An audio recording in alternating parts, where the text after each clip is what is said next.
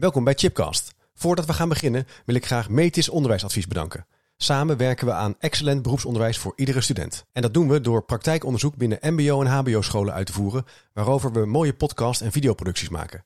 Kijk voor meer informatie op www.metis-onderwijsadvies.nl of check natuurlijk chipcast.nl. En vergeet ook niet de boekenkast van Chipcast te checken. Op www.managementboek.nl/slash chipcast vind je alle boeken die in de podcastgesprekken voorbij komen.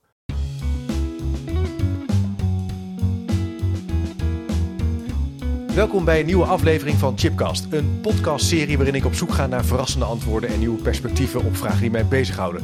En vandaag de gast zijn Hans de Groene en Peter van der Velde.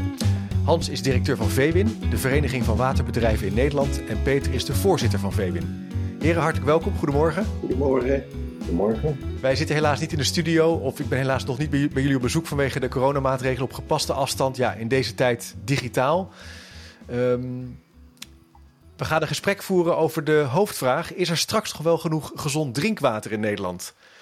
Dat is misschien een beetje een provocatieve vraag om te stellen, helemaal aan jullie.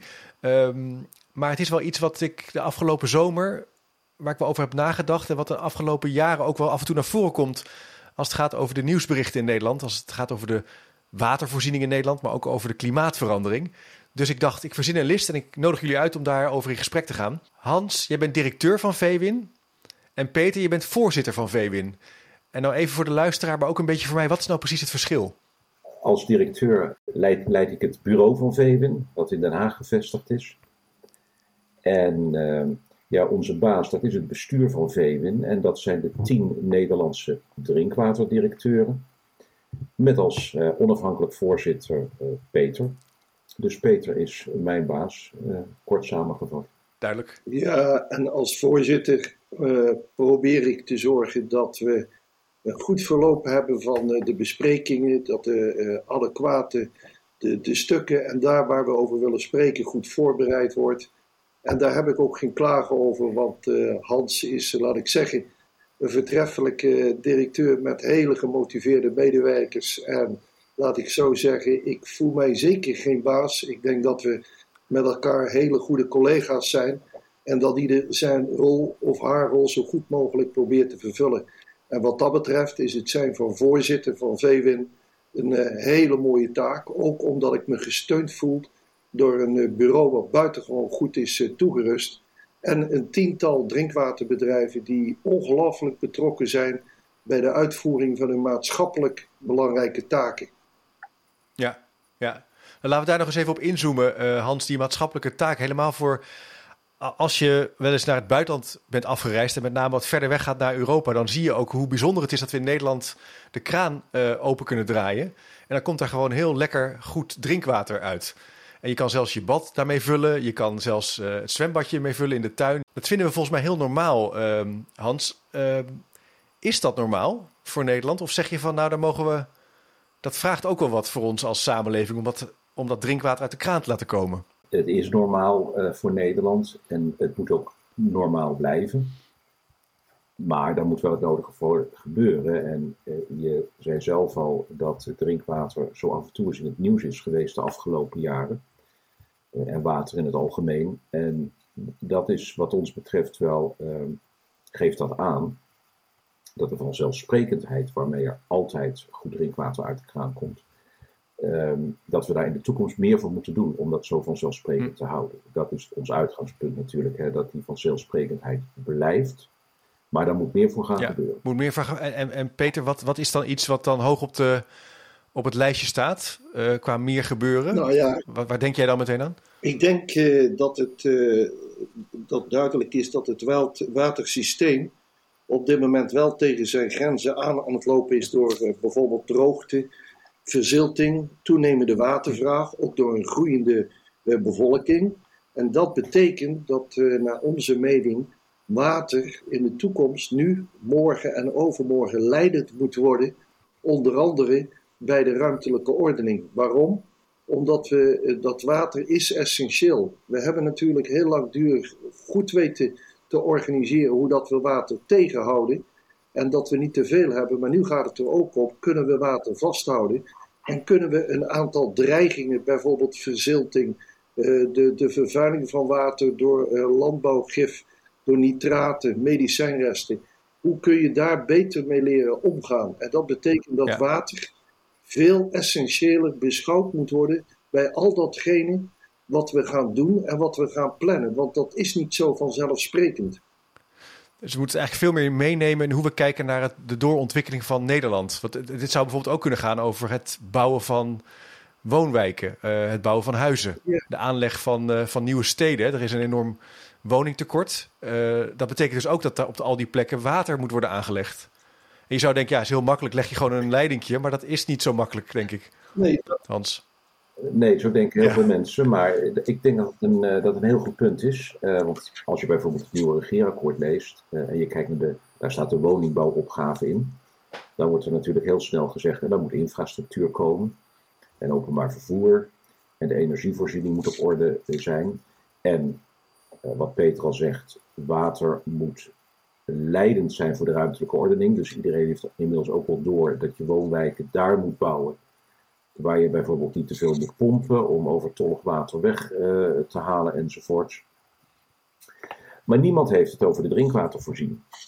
Um, en als je vraagt wat moeten die mensen gaan drinken, ja, dan is het antwoord natuurlijk eh, drinkwater uit kraan. Uh, maar uh, ja, daar moet meer voor gebeuren dan in het verleden. Dat is toch wel een belangrijke boodschap van ons. We moeten daar meer aandacht voor hebben. Hoe we zorgen dat die drinkwatervoorziening vanzelfsprekend ja. blijft. En, en, en wat, kan je dan eens een voorbeeld geven? Wat zou er dan moeten gebeuren, Peter? Moeten we dan meer bronnen beschermen? Of moeten we, wat zijn dan activiteiten waar jullie regionaal dan aan denken? Nou ja, ik denk dat uh, er een enorme kans ligt nu uh, ook rondom de hele energietransitie in regio's gepland wordt, georganiseerd gaat worden, dat in, aan die tafels de drinkwaterbedrijven ook een belangrijke rol innemen naast de waterschappen. En dat betekent dat je dan gaat kijken hoe ga je je ruimte ordenen en voorbereiden op de toekomst. En wat betekent het voor water? Kijk, er zijn een aantal drinkwaterbronnen die onder andere door verontreiniging, door allerlei vormen onder de grond onder druk komen te staan. Nou, dat moeten we zien te voorkomen. En dat betekent dat je ook goed kijkt als je woonwijken plant, waar ga je dat doen? En hoe is het dan onder de grond zo georganiseerd dat die drinkwaterbronnen op een adequate wijze hun werk kunnen doen en een goede kwaliteit kunnen leveren? Uh, Dus wat mij betreft zal er denk ik in de ruimtelijke ordening veel krachtiger regie gevoerd moeten worden om te zorgen dat ook de belangen van dat drinkwater, wat zo vanzelfsprekend 24 uur per dag beschikbaar is, dat dat geborgd blijft. En tegelijkertijd moeten we ook kijken, kunnen we het water vasthouden en kunnen we ook andere vormen van water organiseren die bijvoorbeeld een andere kwaliteit heeft, maar bijvoorbeeld betekenisvol kan zijn en blijven voor bijvoorbeeld de industrie. Ja, en je noemt het punt dat dat water vasthouden, uh, Hans. Um, afgelopen zomers is het uh, ook wel heel veel in het nieuws gegaan over uh, het, het, waterpeil en ook wel de droogte en de hitte die er ook gewoon was in de zomer. Ik ben natuurlijk geen klimaatexpert, maar het viel mij wel op. En wat mij ook opviel, ik woon dan in Zeist, is dat heel veel mensen hier dan een badje hebben voor hun kinderen. Want vanwege de coronamaatregelen kon natuurlijk wat minder. En dan werd dat badje gevuld. En dan werd dat ook weer afgeraden. Hans, maak, maakte jij je zorgen in die zomerperiode um, over die droogte? Nou, niet over de drinkwatervoorziening. Maar in het algemeen is het, wat je zegt, wel een, een, uh, waarschijnlijk een, uh, een uiting van klimaatverandering. En uh, ja, wat dat gaat betekenen. Um, in ieder geval zullen de, de verschillen tussen de seizoenen uh, groter worden. En, en zal, zal regen aan de ene kant geconcentreerder vallen. Aan de andere kant zullen we meer droge perioden uh, krijgen. We zullen te maken krijgen waarschijnlijk met groot, nog grotere variëteiten de afvoer van de rivieren. Hè? Want het is misschien goed om, om even een paar woorden uit te leggen. Hè? We maken in Nederland drinkwater van of grondwater of oppervlaktewater. Um, in een groot deel van het land, in het, in het oosten, het zuiden, het noorden, doen we dat met grondwater. Uh, dat is relatief schoon, daar kun je met relatief weinig zuivering drinkwater van maken. In het westen kan dat niet, omdat het grondwater daar te zout is, te zilt. Dus daar gebruiken we water uit de grote rivieren. Uh, vaak uh, transporteren we dat dan naar de duinen. En daar wordt het voorgezuiverd en dan halen we het eruit en dan wordt er drinkwater van gemaakt. Kijk, beide vormen van van drinkwatervoorziening krijgen te maken met die klimaatverandering. de droogte heeft van de afgelopen jaren heeft echt wat betekend voor de grondwaterstanden. Nou is dat vaak het ondiepe grondwater, waar de landbouw vooral mee te maken heeft en ook de natuur. Wij zitten als drinkwaterbedrijven vaak veel dieper. Maar het een hangt ook wel met het ander samen. En die rivieren, als die, als die meer variatie gaan vertonen eh, qua waterafvoer, kunnen we daar ook mee te maken krijgen. Qua hoeveelheid, maar zeker ook qua kwaliteit. Want eh, eh je snapt wel, als, als een rivier minder water afvoert, dan zal de verontreiniging die erin zit minder verdund worden. En daar hebben drinkwaterbedrijven dan weer extra hoofdbrekens bij om dat, te zorgen dat het goed gezuiverd wordt. Ja, precies.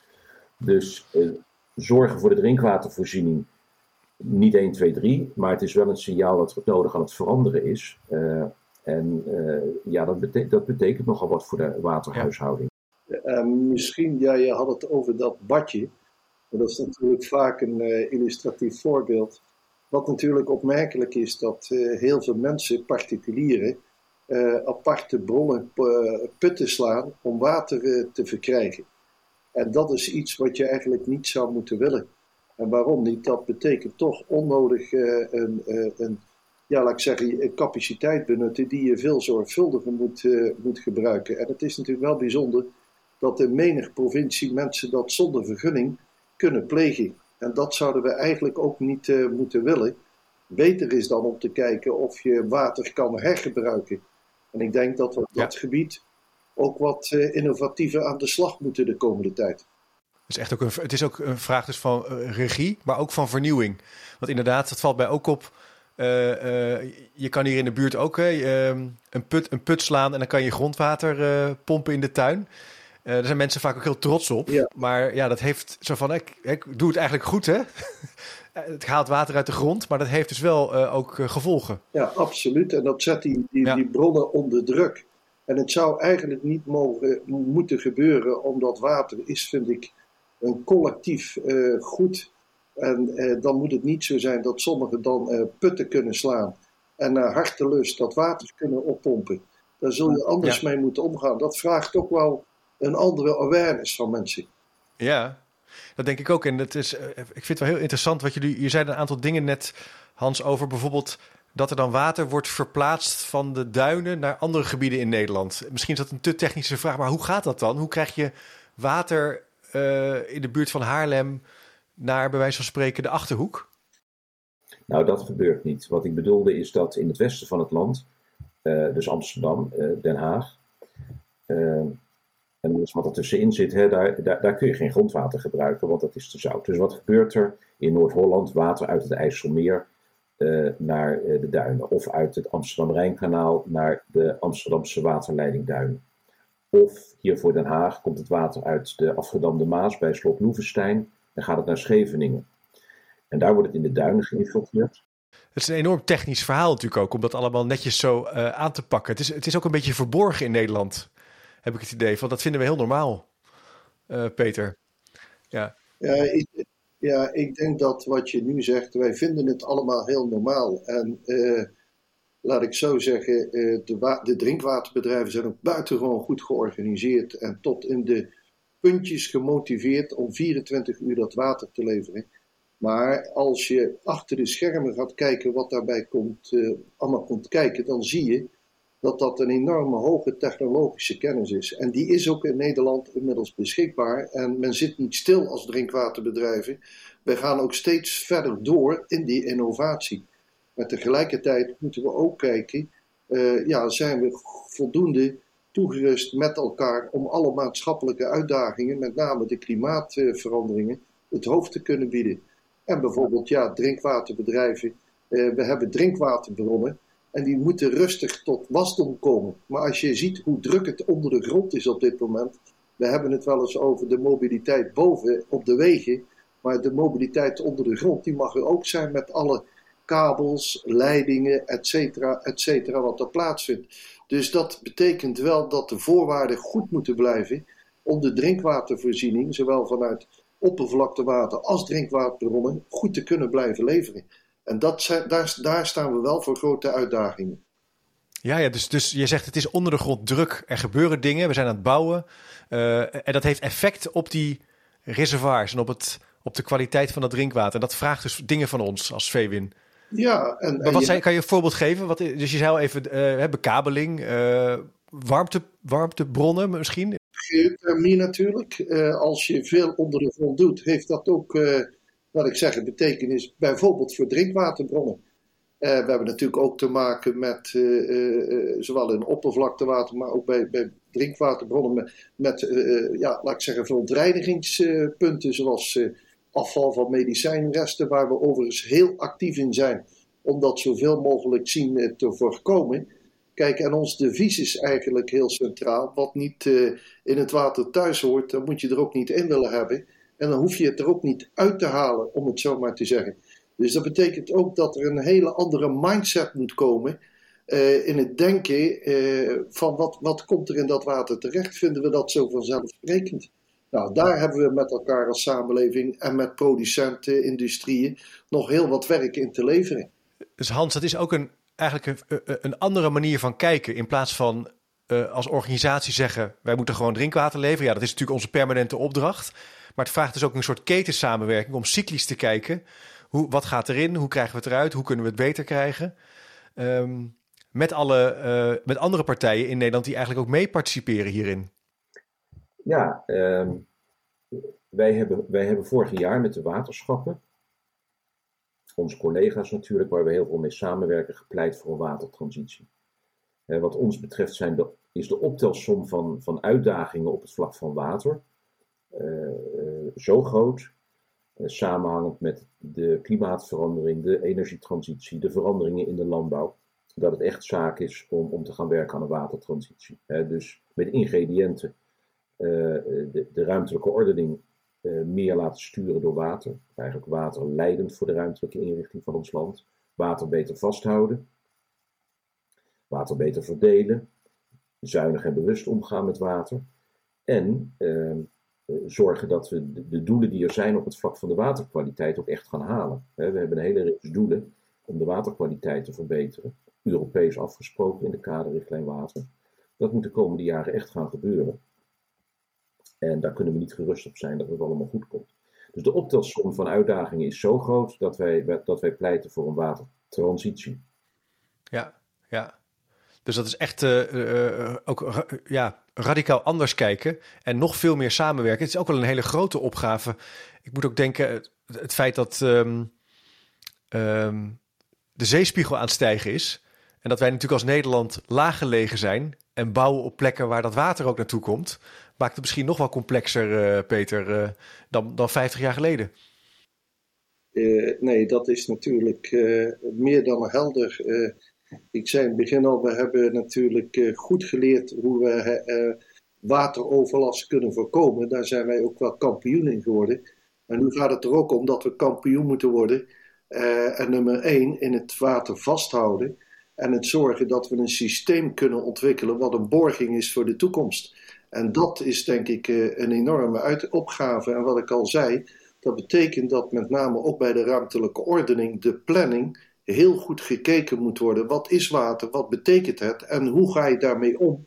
Als je bijvoorbeeld voor een opgave staat, zoals nu afgesproken is om een miljoen woningen te bouwen de komende jaren, dan moet je wel weten hoe je dat doet. En dan mag je niet de fout maken dat met de kennis van nu onvoldoende rekening gehouden wordt want dan krijgen we weer een rekening. En dat betekent dat Nederland, ook met de veranderingen van de zeespiegel waar je over hebt, voor ontzettend uh, urgente opgaven staat.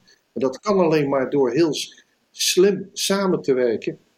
En daarbij de watersector niet te vergeten. Je hebt natuurlijk de Unie van Waterschappen die ontzettend veel doen. Maar de drinkwaterbedrijven zijn daar gewoon heel essentieel in. Gezien hun kenniskundigheid en ik zeg dus, zorg dat die ook aan de voorkant actief aan die bestuurlijke tafels komen. Ja, heel belangrijk. En dan hebben we natuurlijk nu een uh, uh, niet, niet zo lang een nieuw kabinet met allemaal nieuwe plannen. Um, heb je het, hebben jullie het gevoel dat, uh, dat het voldoende helder, helder is wat er moet gebeuren, ook bij het kabinet? Dat we, gaan zij daar werk van maken? Nou ja, ik denk dat de boodschap die wij hebben afgegeven in de opmaat naar de kabinetformatie, die is vanuit inhoud meer dan duidelijk. Daar zitten weinig Spaanse woorden in, om het zo maar te zeggen. Het gaat er nu op dat de, de, de, de uitdaging uh, opgepakt wordt. En uh, ja, daar kijk ik natuurlijk wel belangstellend uit. Met mij het hele bestuur van Veluwe. Waarom? Omdat het er nu op aan gaat komen. We kunnen nu geen tijd meer verliezen. De plannen zijn geweldig. De middelen die beschikbaar gesteld ook. Maar nu moet je van idee naar realisatie. Dat is nog wel een opgave. Ook gezien een aantal bijkomende vraagstukken, zoals potentieel van de arbeidsmarkt. Wat heb je beschikbaar? uh, procedures die soms heel lang zijn in Nederland op het gebied van planologie. Dus ik, uh, ja, wij kijken wel uit met, uh, met spanning naar het tempo wat ontwikkeld gaat worden. Ja, ik kan me dus ook voorstellen dat die transitiebeweging, die is enorm van, in omvang. Maar het is ook een soort vernieuwingsbeweging, omdat we ook uh, op een manier met dat water zullen moeten omgaan die, waar, we eigenlijk nog helemaal geen kennis over hebben. Het is echt radicaal nieuw. Het is ook een soort innovatiebeweging. En daar hoorde ik dat ze bijvoorbeeld in België zijn ze al bezig om zeewater om te zetten naar zoet water. Um, dus dat is een soort innovatieve. Moeten wij ook innovatiever worden in Nederland in die zin? Dat moeten we ook op zoek gaan naar nieuwe oplossingen? Nou ja, ik denk het wel. Maar er zijn ook voorbeelden. Ik weet dat de directeur van Brabantwater bijvoorbeeld ook met dergelijke gedachten bezig is en te kijken hoe ga ik dat waarmaken. En ik weet dat ook andere drinkwaterbedrijven op uh, vernieuwende wijze aan het kijken zijn. Hoe kunnen wij ons uh, zeker stellen naar de toekomst? Ja. In Vlaanderen is, uh, is de waterproblematiek nog wat groter dan, dan in Nederland. Hè. Daar is echt schaarste aan, aan zoet water. Hè. Daar heeft men minder rivieren en ja, daar is het grondwater ook verzult. Kijk, ontzilting, dat is overigens vroeger ook wel eens in Nederland gebeurd, dat, dat, dat kan, maar is heel duur, het kost veel energie. Dus voordat je gaat, uh, gaat ontzilten, uh, zijn er nog wel wat, wat, wat alternatieven die je, kunt, die, die, je, die je daarvoor kunt bekijken, laat ik het zo maar zeggen. Hè. Peter noemt Brabantwater, andere bedrijven ook, die, die kijken of ze met brak grondwater diep onder de duin, of ze daar wat mee kunnen. Dan moet je dus wat meer zuiveren. Uh, maar uh, het bijkomend voordeel is dat je de zoetwaterbel nog wat dieper laat doorlopen onder de duinen. En dat helpt dan weer tegen toekomstige verzilting. dus innovatie zeker. Ehm, maar ook natuurlijk kijken wat, wat je aan energie nodig hebt, aan, aan grondstoffen, om, om het water te zuiveren. En wat voor afval het, het creëert. Als je water ontzilt, hou je natuurlijk zout over. Dat snapt denk ik iedereen en dat moet je ook weer kwijt. Nou, dus dat, je, inderdaad, je noemt een aantal dingen. Um, bijvoorbeeld, het kost energie. Dus je kan wel gaan vernieuwen, maar als het heel veel energie kost, moet je eigenlijk op zoek gaan naar andere punten. Je hebt afval. Dus het is ook een enorm technisch vraagstuk. En nou is deze, deze podcastserie die ik maak, gaat ook vaak over onderwijs. Over het uh, vakmanschap, over uh, de universiteit als uh, innovator, het, het, het, het beroepsonderwijs. Um, hoe, hoe kijken jullie naar de koppeling met onderwijs in dit, in dit geval? Is, maken jullie, kunnen jullie aanspraak maken op genoeg vakmannen en vrouwen die jullie kunnen helpen bij deze innovatie- en transitiebeweging? Nou ja, ik denk dat Nederland op het gebied van water en innovatie toch een, een toppositie in de wereld inneemt.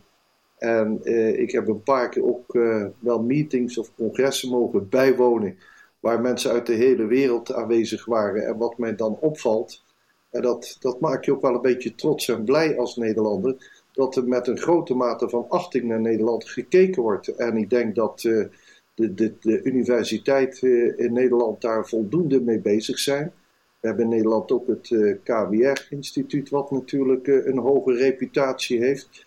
ik heb het gevoel dat daar hele organische, natuurlijke verhoudingen en verbindingen in zijn. En ja, ik, uh, mensen die bij de drinkwaterbedrijven werken zijn vaak heel langdurig uh, in dienst, trouwe medewerkers en gemotiveerd voor het vak. Ik denk wel dat naar de toekomst toe, met alle grote veranderingen die wij op, op handen zijn met klimaat en transitie, dat we goed moeten kijken of het uh, onderwijs, en dan niet alleen de universiteiten, maar ik denk ook het MBO-onderwijs, goed toegerust kan blijven op die enorme veranderingen. Uh, ik denk dat dat voor de drinkwater en, en voor de water een enorme uitdaging is. Overigens ook voor andere sectoren willen wij de klimaattransitie ook operationeel daadwerkelijk inhoud kunnen ja. geven. Spannend om, om ook eens eigenlijk te zeggen, ja, deze transitie is ook een, is, is zo'n complex leervraagstuk met zoveel stakeholders en partners. Laten we hen ook betrekken uh, in, die, in dat vormgeven en het nadenken over dit soort verandervraagstukken. Um, want dat is eigenlijk ook wat noodzakelijk is om antwoord te bieden. Uh, net ook wel wat Hans zei, ja, je kan wel een vernieuwing uh, implementeren, maar het kan ook weer consequenties hebben op het gebied van energie, zout, waar je wat mee moet. Dus je hebt al die partners eigenlijk nodig. We kunnen het niet meer alleen. Nee, en ik denk dat het ook heel belangrijk is om bij alle burgers van Nederland een, een grotere awareness te organiseren van wat is water? Ja. Waar komt het vandaan? Ja. We vinden het 24 uur per dag vanzelfsprekend. Ja.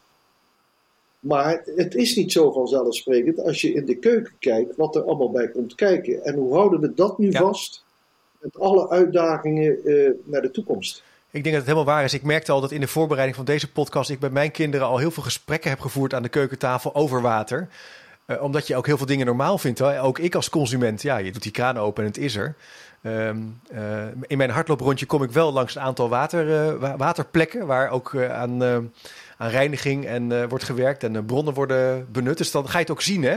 Maar als je het niet weet, dan zie je het eigenlijk ook niet. Nee, en dat is denk ik die awareness. En wat dat betreft is het mooi dat de drinkwaterbedrijven in hun eigen gebieden veel doen om het promoten van water in alle facetten. En dat heeft wel een betekenis. En ik denk dat we ja, er nog veel meer met elkaar uh, aan zouden kunnen doen en moeten doen. En, en dat vergt natuurlijk in alle grote plannen over het klimaat ook een, een belangrijke plaats. Leuk, dus we kunnen eigenlijk als we dan teruggaan naar die hoofdvraag. Ja, is er straks nog wel drinkwater, uh, genoeg gezond drinkwater in Nederland? Dan zei Hans in het begin al, ja, dat, dat gaat er zijn, dat is er. Maar we moeten er nog wel ons best voor blijven doen. Ja, en als we dat niet doen, uh, maar dat, dat zullen we natuurlijk tot het uiterste proberen te vermijden, dan, ja, dan, uh, dan is de leveringszekerheid, uh, ja, daar mag niet aan gemorreld worden. Hè? Maar als we niet tijdig actie ondernemen, dan ontkom je er natuurlijk niet aan dat die leveringszekerheid een beetje minder zeker wordt dan die tot nu toe altijd geweest is. En dat, dat is natuurlijk de reden waarom wij misschien meer dan vroeger aan de bel trekken dat men, dat men die vanzelfsprekendheid niet zo voor lief moet nemen. De aanvulling, ik denk dat als drinkwatersector proberen we het optimale te doen om de goede kwaliteit vast te houden. En daar hebben we hoge waarden voor. Dat is ook essentieel voor de volksgezondheid, onze gezondheid. En tegelijkertijd moet drinkwater ook tegen een redelijke prijs beschikbaar blijven. Nou, dat betekent dat je van gebruikers wel mag vragen wat meer bewust te zijn van de beschikbaarheid van water en de wijze van gebruik. En tegelijkertijd moet je aan de overheid toch vragen om veel kritischer te zijn op welke uh, stoffen worden toegelaten in de industrie en voor gewasbescherming. En uh, met, met name dat wij niet altijd achteraf moeten testen, maar vooral dat aan de voorkant gekeken wordt. Wat komt erin in terecht. Dat zijn eigenlijk dingen die we relatief makkelijk al zouden kunnen doen. Maar dat vergt natuurlijk wel een politiek-maatschappelijk gedurfde opstelling. En nu krijgen wij heel vaak te maken met, uh, met rotzooi in het water, wat er niet thuis hoort. En wij zeggen, wat er niet thuis hoort, moet je er niet in doen. En dan hoeven we het er ook niet uit te halen. Dat zijn een paar bemerkingen die de komende tijd wel actieve van een opvatting en een mogelijk ook wettelijk kader voorzien zouden moeten worden. Ja, ja dat, dat lijkt mij ook. Ik, ik heb ook het gevoel dat we al best wel nu een tijd weten dat er een aantal uh, zorgelijke bewegingen gaande zijn als het gaat over grondverontreiniging, uh, waterverontreiniging. Ik denk ook dat we dat moeten opvolgen met actie en niet met meer onderzoek. Um, hè, onderzoek blijft nodig, maar je moet op een gegeven moment ook inderdaad ja, wetten aanpassen, uh, acties oppakken om ervoor te zorgen dat het niet in de grond komt. En dat is denk ik precies wat je, wat je zegt, wat wij de afgelopen jaren al permanent tamboureren. Daar mag wel een hoger tempo voor uh, gevonden worden. duidelijk. Hoger tempo. Nou, ik ben heel benieuwd. Ik vind het een, uh, een heel, heel belangrijk, wezenlijk thema. Helemaal als Nederlander. Maar wat ik er ook belangrijk vind, is dat het eigenlijk gekoppeld is aan maatschappelijk samenwerken, maatschappelijk ondernemen, duurzaamheid, ons onderwijssysteem, onze manier van samenwerken, bewustwording van, van, van scholen, van kinderen, van ikzelf en de buren, hoe die omgaan met hun water. Dus wat mij betreft is er het laatste al niet over gezegd. In ieder geval niet in deze podcast, hoop ik. Um, Peter en Hans, leuk om met jullie hierover in gesprek uh, te gaan. Bedankt voor jullie tijd.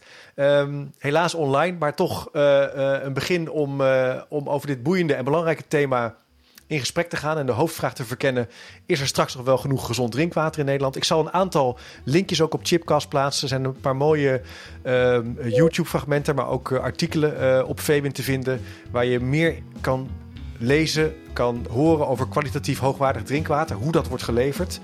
Um, bedankt heren en ik zou zeggen uh, tot de volgende keer.